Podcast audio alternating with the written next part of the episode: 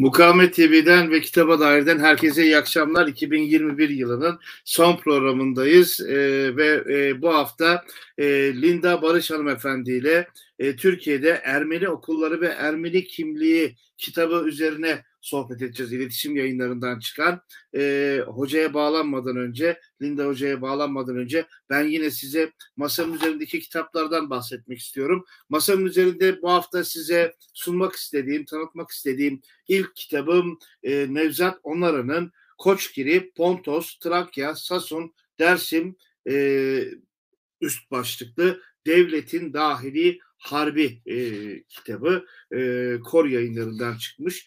Kitabın tamamen içeriği aslında başlığa ve üst başlığa yansıtılmış e, bir arşiv çalışması. E, Koçgiri Pontus, Trakya 34'teki olaylar, Sason, Dersim e, olaylarıyla ilgili çok ciddi bir arşiv taraması yapılmış.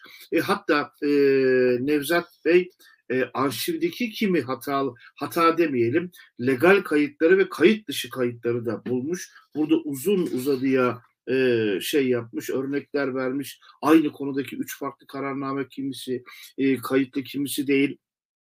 Tabii ki bu kitaba kurcalarken direkt doğrudan arşive gitmek mümkün olmuyor ama arşivlerin katalog kayıtlarını şöyle bir kontrol ettim. Hocanın e, üç aşağı beş yukarı dedikleri e, do, doğru onu da söyleyeyim.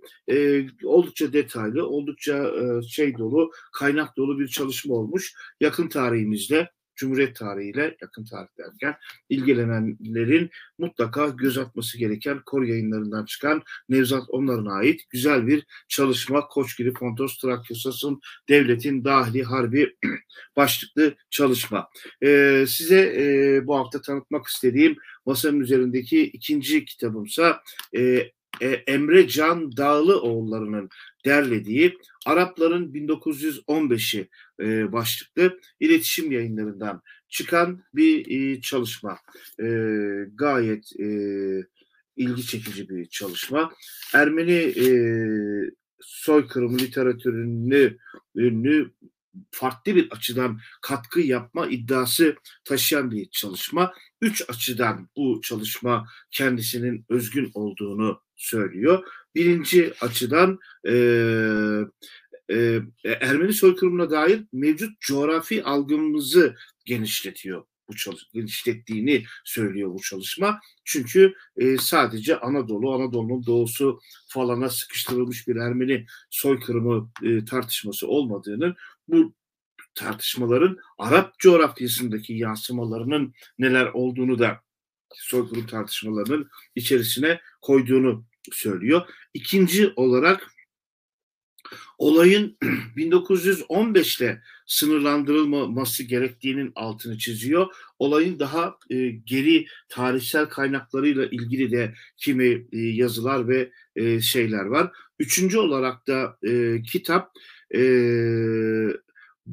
daha öncesinde Ermeni soykırımı ilgili göz ardı edilen kimi kaynakların, tali olarak görülen kimi kaynakların e, da değerlendirmeye aldığını söylüyor. Bu açıdan bu şeyde üç açıdan kitap e, orijinal bir çalışma olduğu iddiasında. Ben açıkçası en detaylı olarak okuduğum şey e, Hamit Hoca'nın, Hamit Bozarslan Hoca'nın e, e, giriş tadındaki makalesi oldu. İttihat Terakki'yi, İttihatçılığı, Arnavut, Arnavut vilayetleri ve Kürdistan'ı seviyor muydu başlığını taşıyan ben çalışmayı bitirmeden şey bitirmeden önce minicik oradan bir şeyle size e, kitapla ilgili bir bilgi vermek istiyorum. Sonuç yerine derken Hamit Hoca minik bir giriş yapmış buraya. Soykırım, ittihatçılığın sadece vatan ve imparatorluk arasında bir ayrım yapmadığını, aynı zamanda özne olarak Türklüğün vatanlaşma sürecini ve biyolojik düşman olarak diğerinin imhası ve talanı arasında doğrudan bir ilişki kurduğunu da göstermekteydi. Tehcir, vatanlaştırılması gereken topraklardan koparılan ve bu nedenle vatansızlaştırılan Ermenilerden hayatta kalabilenlerin vatan dışındaki imparatorluk topraklarında ölüme terk edilmesi anlamına gelmekteydi diyor. Hamit Hoca da benim çok hoşuma gitti bu cümle. E, daha sonra da kullanılmak üzere de bir yerlere not ettim. E, gayet e, detaylı bir çalışma. E, gayet e, şey makaleler var. Bu çalışmanın içerisinde e, iletişim yayınlarından çıkan Emre Dağlıoğlu'nun derlediği e, bu çalışmada e, sizlerle paylaşmak istediğim elimdeki üçüncü çalışmamsa e, uluslararası ilişkilerle ilgili e, dünyadan örneklerle barış süreçleri, silahlı çatışmaların çözümü e, mümkün mü başlıklı Görkem, Görkem Tanrıverdi Hoca'nın e, derlediği e, bir çalışma. Barış süreci nedir? İşte bununla ilgili temel kavramlar nelerdir? E, gibi bir e, teorik girişin hemen peşinden e, farklı tabii ki yazarların e, e, elinden çıkan e, yazılarla Afganistan, Bosna Hersek, Filipinler, Güney Afrika, e, Afrika, İsrail, Filistin, Kolombiya, Kosova, Kuzey İrlanda, ve Sri Lanka'daki çatışma süreçleri, çatışma çatışmaların e, çözüm süreçleri, barış süreçleri ile ilgili uluslararası ilişkiler literatürünü kapsayacak bir e, çalışma gerçekleştirilmiş. Bu konuda e, e, çalışan e, araştırmacıların oldukça ilgisini çekebileceğini düşündüğüm e, detaylı, güzel bir akademik çalışma olmuş. Masamın üzerinde e, bu hafta yine e, sizlerle paylaşmak istediğim e, dördüncü çalışma e, yine iletişim yayınlarına ait e, Rebecca Bryant ve Mete Hatay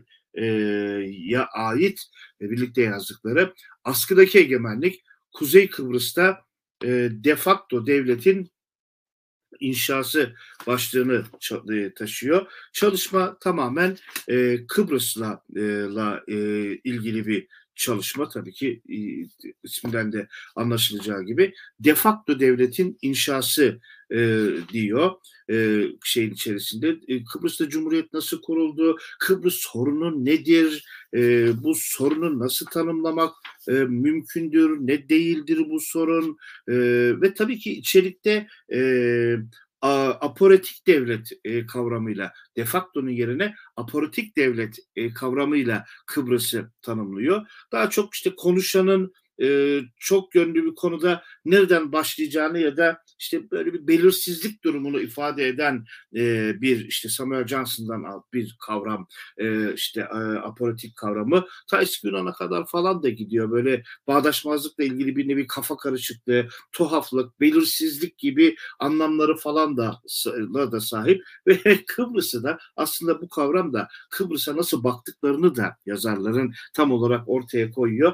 Yani apolitik bir durum, böyle bir tuhaflık, belirsizlik. Yani nasıl anlatacağımızı bilmiyoruz ama anlatmaya bir girdik ki tadında hem böyle güncel anekdotlardan çok somut e, işte nokta vuruşu e, e, bir takım şeylerden o bizi alıp çok teorik tartışmalara falan götüren benim gayet hoşuma giden e, çok şeyler e, göz atarken öğrendiğim bir çalışma oldu. Masanın üzerinde bu hafta sizlerle tartışmayı, e, tanıtmayı arzu ettiğim son kitabım Hamit Emrah Beriç'e ait tek parti döneminde devletçilik, e, Türkiye'de otoriterizmin siyasal ve ekonomik temelleri e, başlıklı e, çalışması. E, çalışma e, devletçiliği konu ediniyor e, gibi e, görünse de e, alt başlıkta da şey var. Yani otoriterizmin e, haklılaştırılması olarak Türkiye'de erken dönem e, devletçiliğini almak ne kadar akademiktir o da tartışılır tabii ki. Birey, devlet, yurttaşlık, sivil toplumun etkisizleştirilmesi, yasalar yoluyla modernleştirme falan gibi e, bir sürü konuda e, tartışmalı, tartışma da demeyelim. Yani devletçiliğin haricinde erken dönem eleştirisinin bir torba e, kitabı gibi olmuş. Her şey bunun içerisinde var. Şapka kanunuyla ilgili bir bölüm de var. E, mesela e, devletçilikle ne alakası var? Hiçbir alakası yok. Burada ne işi var? Onu biz de bilmiyoruz. Yazar biliyor mu? Onu da bilmiyorum. Mesela şapka kanunuyla ilgili yasalar yoluyla toplumu düzenleme girişimleri 1925 tarihli şap iktisası hakkındaki kanun ile devam eder diyor kitap. Bu yasa aracılığıyla devlet adeta kendi otoritesinin sınırlarını göstermek için toplumun giyeceği kıyafete müdahale ederek kişilerin hangi başlığı kullanıp hangisini kullanmayacağını kendisi belirlemiştir diyor. E, hoca akademik titri de olandır diyor hoca. E, muhtemeldir ki e, 671 sayılı 25 Kasım 1925 tarihli yasayı e, mutlaka ki e, dilerim ki ya da biliyordur. Çünkü öyle topluma falan bir alt giydirdiği yok. E, TBMM azalarıyla tam yasa metnini size okuyayım. İdari umumiye ve hususiye ve mahalliye ve bilimum müessenatı mensup memurun ve müstahdemin memurların ve hizmetlerin şapka giymesini zorunlu kılıyor. Başka da kimsenin şapkayı zorunlu kıldığı falan filan yok. Burada tabii bir ciddiyetsizlik mi denir yani ya da artık ne denir bilmiyorum. E, kitabın geneline yaygın. Ben buradan sadece bir tane örnek verdim. E, PDF'ini ya da kütüphanede bulursanız mutlaka göz atmanızı tavsiye edeceğim. Değişik, ilginç bir çalışma olmuş kendileri. Ben hemen e, Linda Hoca'ya e, dönmek istiyorum ve e, onunla Türkiye'de Ermeni okulları ve Ermeni kimliği e, kitabı üstüne sohbet edeceğiz.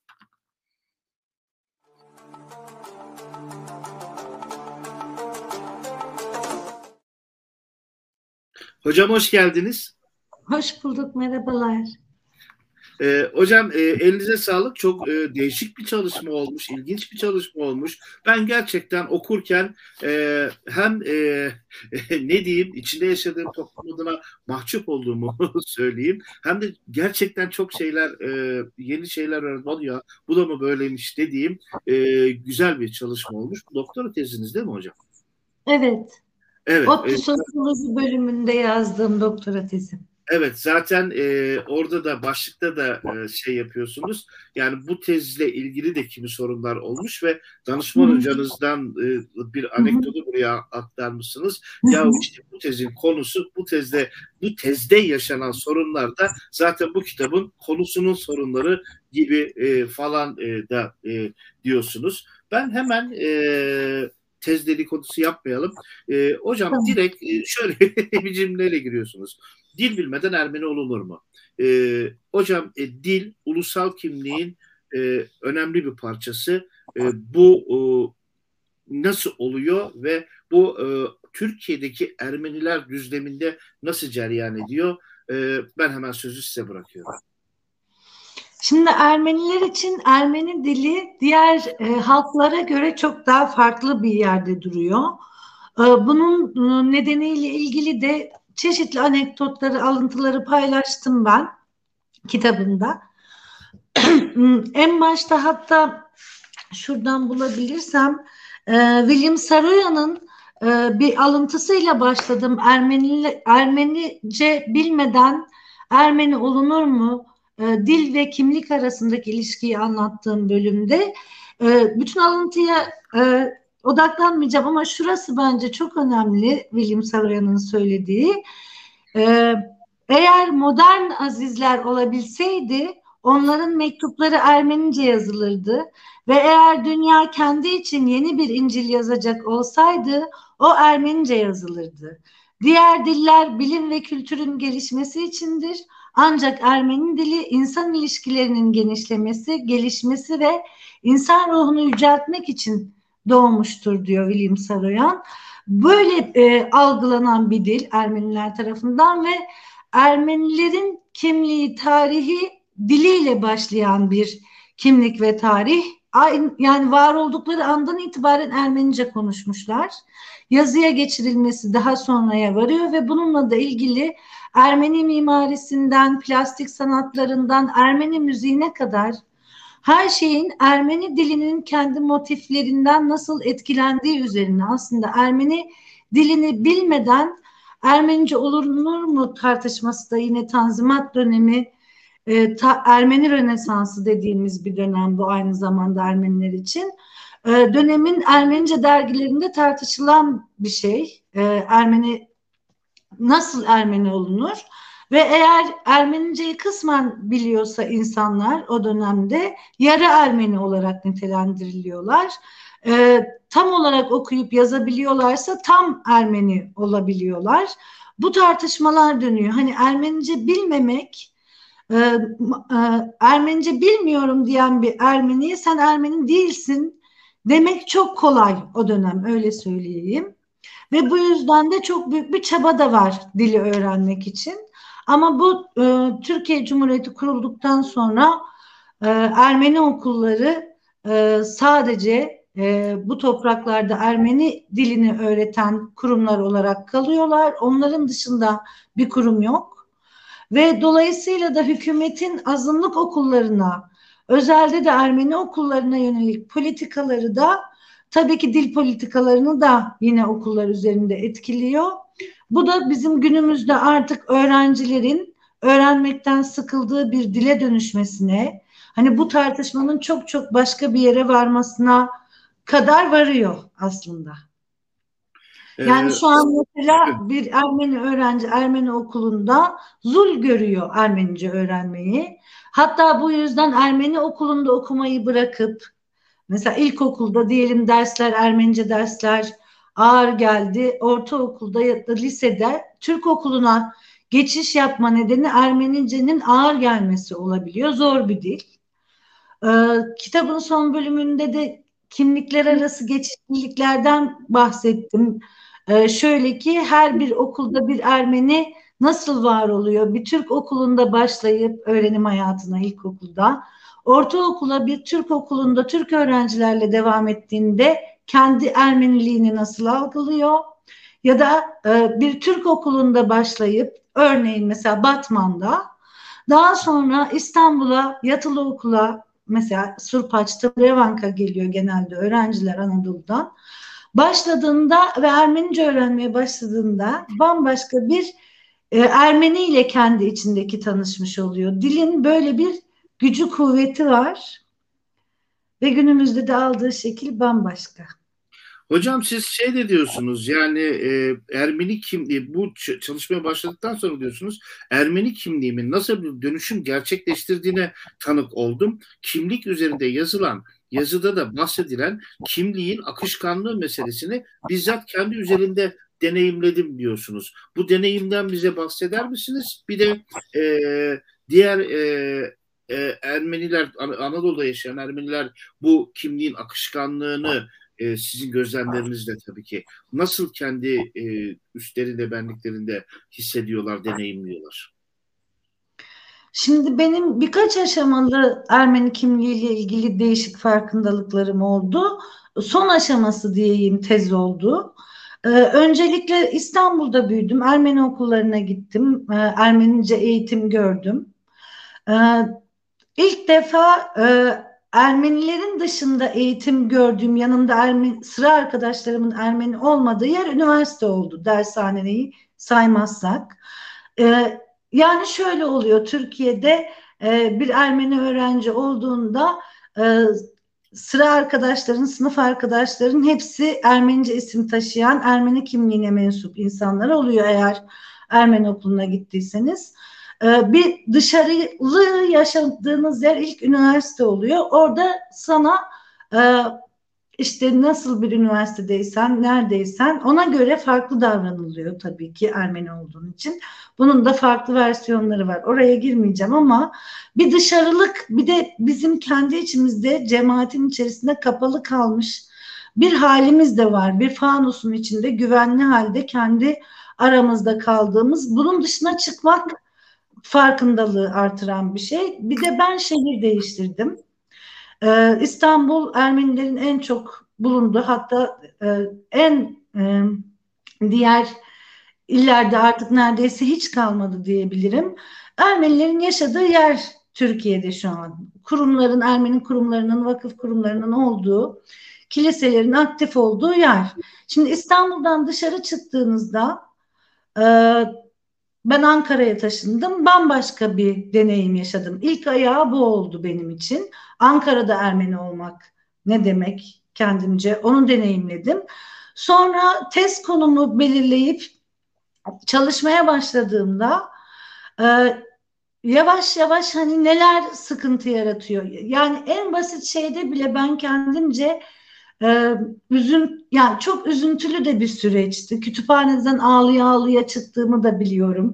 Çünkü hani ne kadar böyle derinine inip yaşadıklarımızı, politikaların ne olduğunu en ince ayrıntısına kadar okuyup öğrendikçe siz dediniz hani bunlar da mı varmış, bunları da bilmiyorduk dediniz e, girişte. Evet. Ben de bilmiyordum çoğu şeyi. Şimdi biz bunları okulda öğrenmiyoruz. Kendi çabamızla kendimiz bir literatüre ulaşmak istersek o da literatürün kaynağına nasıl ineceğiz? Gerçekten bir hevesimiz olması gerekiyor. Ki benim kuşağımın 81'liyim ben. E, böyle politik bir çehresi yoktu açıkçası. Hrant Dink'in ölümünün ardından e, daha politikleşen bir Ermeni nesil, genç nesille de tanık oldum ben. Öğrenmek istemeye başladılar kendi kökenlerini. Bir aidiyet duygusu e, yaşamaya başladılar, bağ kurmaya başladılar.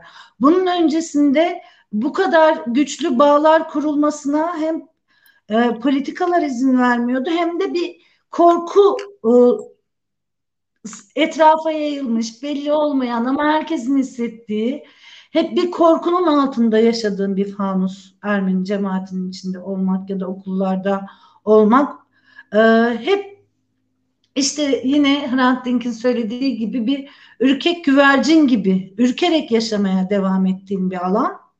Bunun ne kadar dışına çıkarsan daha farklı şekilde orada yaşadığın şeyi görüyorsun. Bir de benim bir süre Van'da kalma deneyimim oldu. Mesela Van'dayken çok farklı şeyler hissettim. Hatta dedim ki kendi kendime ben bu yaşa kadar İstanbul'da Ermeniyim diye hani dolaşıyordum Ermeniyim diyordum. Değilmişim. İstanbul'da olmuyor o şey. Hani Van'da bambaşka e, şeyler hissettim. Mesela o da be, bence benim bu tezimdeki birçok şeyi etkiledi. E, kimlik birçok bileşene sahip bir şey. E, tüm o bileşenleri mesela ben şimdi mülakat yapmaya gittiğimde tez için e, daha çok Ermeni kurumlarının içerisine, okulların içerisine girip yeniden Ermenice konuşmaya başladım. Senelerdir Ermenice konuştuğum çok az insan var. Bazen kardeşimle telefonda Ermenice konuşurum. Çok çok nadir yani özellikle Ankara'dayken. Ama tezle birlikte yeniden Ermenice konuşmaya başladım. Yeniden e, insanların içine girip e, birçok şeyi hatırlamaya başladım ama bu sefer aradan yıllar geçmişti ve ben e, nesnel olarak bakmak zorundaydım gördüğüm şeylere. Bu yüzden de benim için hani bir e, hem anımsayış oldu hem de yeni bir e, sorgulama e, nedeni oldu yaşadığım şeyler. Ve yine tez için Ermeni tarihiyle ilgili şeyler okumaya başladım. Ee, yine kitapta da bundan çok vurgulayarak bahsediyorum. Tarih çok önemli çünkü kimliğin oluşumunda. Bu bütün ulus devletler için geçerli, bütün halklar için geçerli. Eğer tarihini insan bilmiyorsa kendisi bir yakınlık hissedemiyor e, kendi bulunduğu millete, halka aidiyetlik duygusu ve özellikle de sen e, Türk milli eğitim sisteminin tarih kitaplarındaki müfredata maruz kalan bir Ermeni öğrenciysen e, ilgili, kendi milletinle ilgili hep olumsuz şeylere tanık oluyorsun. Çok küçük yaştan itibaren. Bütün bunlar çok zedeleyici. Özellikle ortaokul tarih ders kitaplarından çok örnek verdim. Şimdi Ermeni evet. okulunda tarih öğretmeni olmak bu yüzden ayrı bir e, deneyim hem tarih öğretmeni için hem öğrenciler için. Ama Ermeni okulundan diyelim Türk okuluna gitmeye başladım lisede. E, daha önce o dersleri Ermeni öğrencilerle birlikte işliyorken bu sefer sıra arkadaşların Türk olduğunda, öğretmenin de yine e, Türk olduğunda Ermeni olmak o tarih derslerinde o çoğunluğun içinde e, yani ötekinin iki kat ötekisi olmak demek oluyor ve bir de bunu hani çocuk yaşta deneyimliyorsun. Hani kendinin de çok farkında olmadığın bir şey aslında özellikle ilkokulda. Neden farklı olduğunu bilmiyorsun. Farklısın. Herkes sana e, Ermenice konuşma dışarıda diyor. Ya da işte bana mama deme dışarıda diyor. yani bir türlü belli etmemen gereken ismini söyleme. okulunun adını söyleme. Böyle bir sürü uyarılarla biz dışarı çıkıyoruz. Onu soracaktım hocam. Siz e, okulunuzun adını e, söylemek e, söylemek istemeyip de yanlış oldu da söylememeyi tercih edip söylemesem daha iyi olur deyip okulunuzu ararken yakında bir kilise vardı yahu falan diye evet. e, arıyorsunuz. E, evet. Tabii ki e, ülkem açısından, ülkemiz açısından da berbat bir durum. Yani daha bunun da şey yok yani bu ülkede herkes bir okulunu okulunun adıyla arayabilmeli yani. Özgürlükte böyle bir şey. E, neyse o tarafa hiç girmiyorum. E, peki bir şeyi soracağım hani oradan da hareketle. Bütün Ermeni öğrenciler o ilkokul, ortaokul, lisedeki Ermeni okullarına mı gidiyor? Gitmeyenler, Hayır. İstanbul'da yaşamayanlar e, nasıl bir deneyimle karşılaşıyorlar? Bir de herkes de sizin gibi metropol üniversitelere, siz Orta Teknik Üniversitesi mezunusunuz. Gitmiyor herhalde yani herkes de burayı kazanmıyor. Daha Anadolu'daki üniversitelere gidenler mesela e, nasıl bir deneyimle karşılaşıyorlar? Bu konuda bilginiz var mı? Şimdi şöyle söyleyeyim öncelikle e, İstanbul'daki Ermeniler çoğunlukla Ermeni okuluna giderler e, başlangıçta ilkokulda. Daha çok öğrencilerin değil ailelerin seçimidir ilkokul seçimi özellikle. Daha sonra e, benim zamanımda Anadolu Lisesi sınavlarına girilip ortaokuldan sonra eğer güzel bir okul kazandıysan okulu bırakabilirsin Ermeni okulunu. Bu sadece geçerli bir nedendi benim dönemimde, benim kuşağımda. Ee, bir de erkek öğrenciler için şöyle bir durumumuz var bizim kendimize özgü. Ee, kapalı çarşıda e, dükkanda çalışmak üzere e, çırak olarak ortaokulda pardon çalışmaya başlarsın ve bunun için okulu bırakırsın. Bu bazen liseye de sarkar hatta e, üniversiteye e, gitmez birçok erkek öğrenci kapalı çarşıda çalışmaya başlar. Bu da bizim hani ayrı bir özelliğimizin sonucu.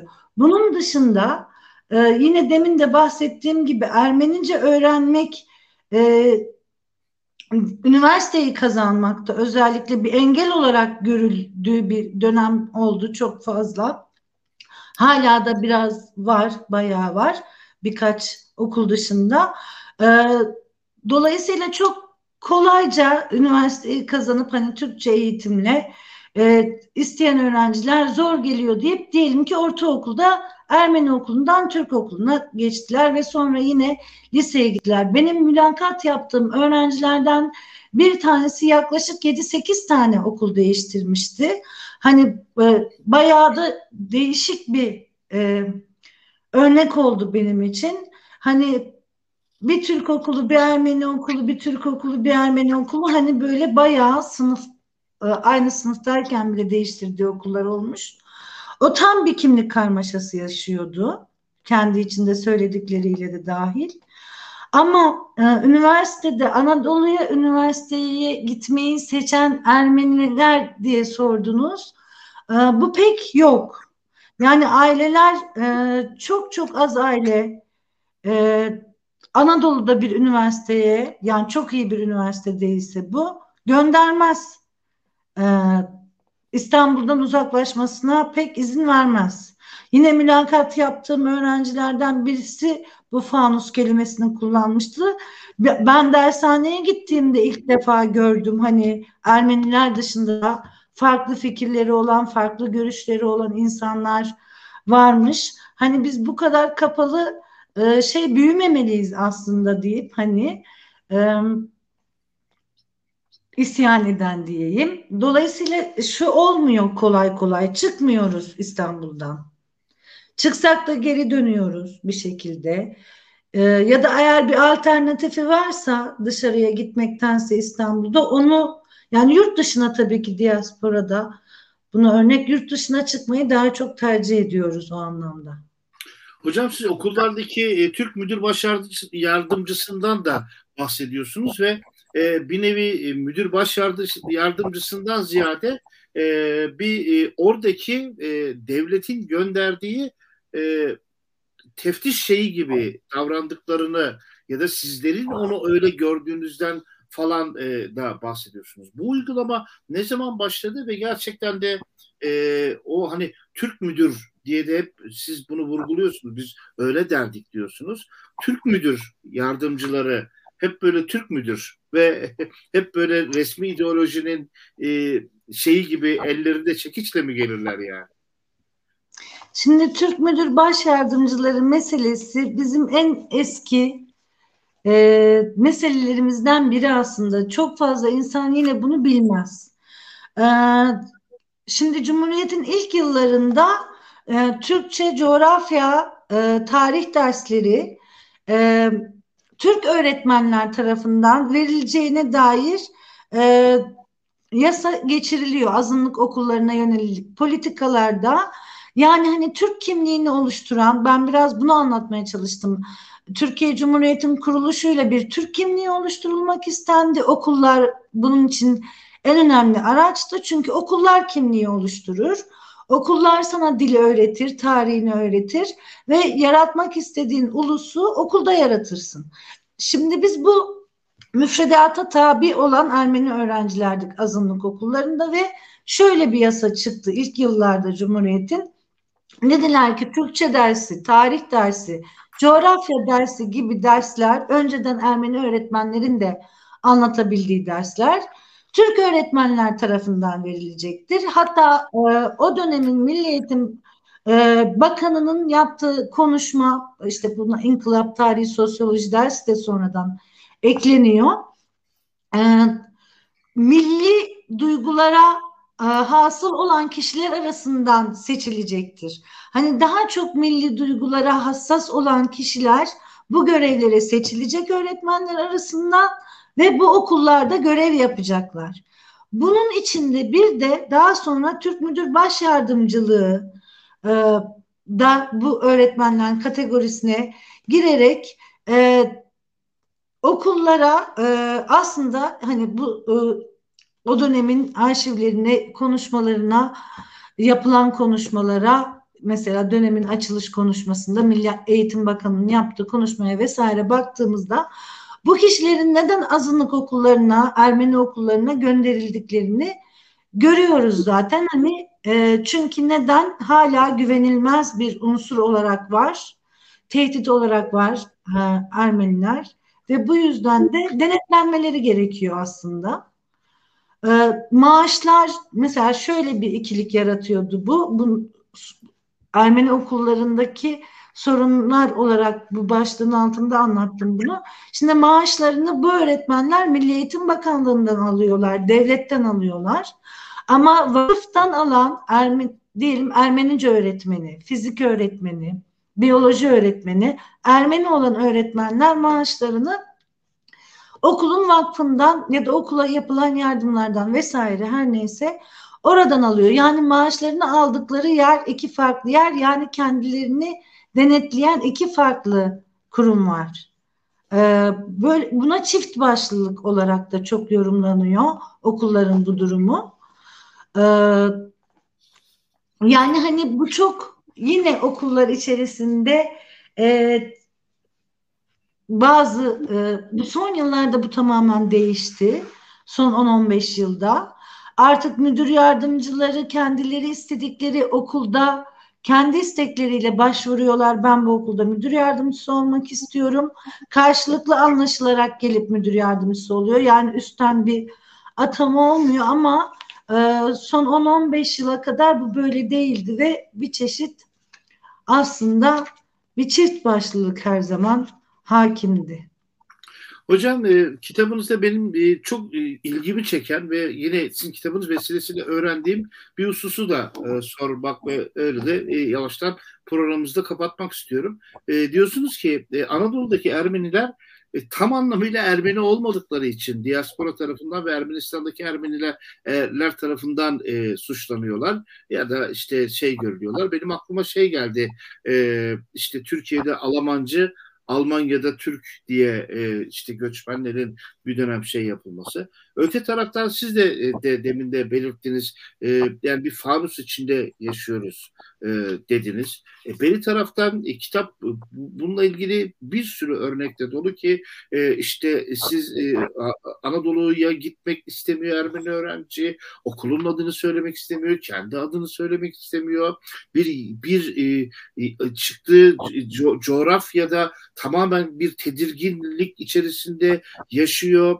Yine burada e, bir işte kitapta bahsedilen bir başka husus e, okullara girebilmek için Ermeni olduğunun e, ispatlanması gerekiyor falan.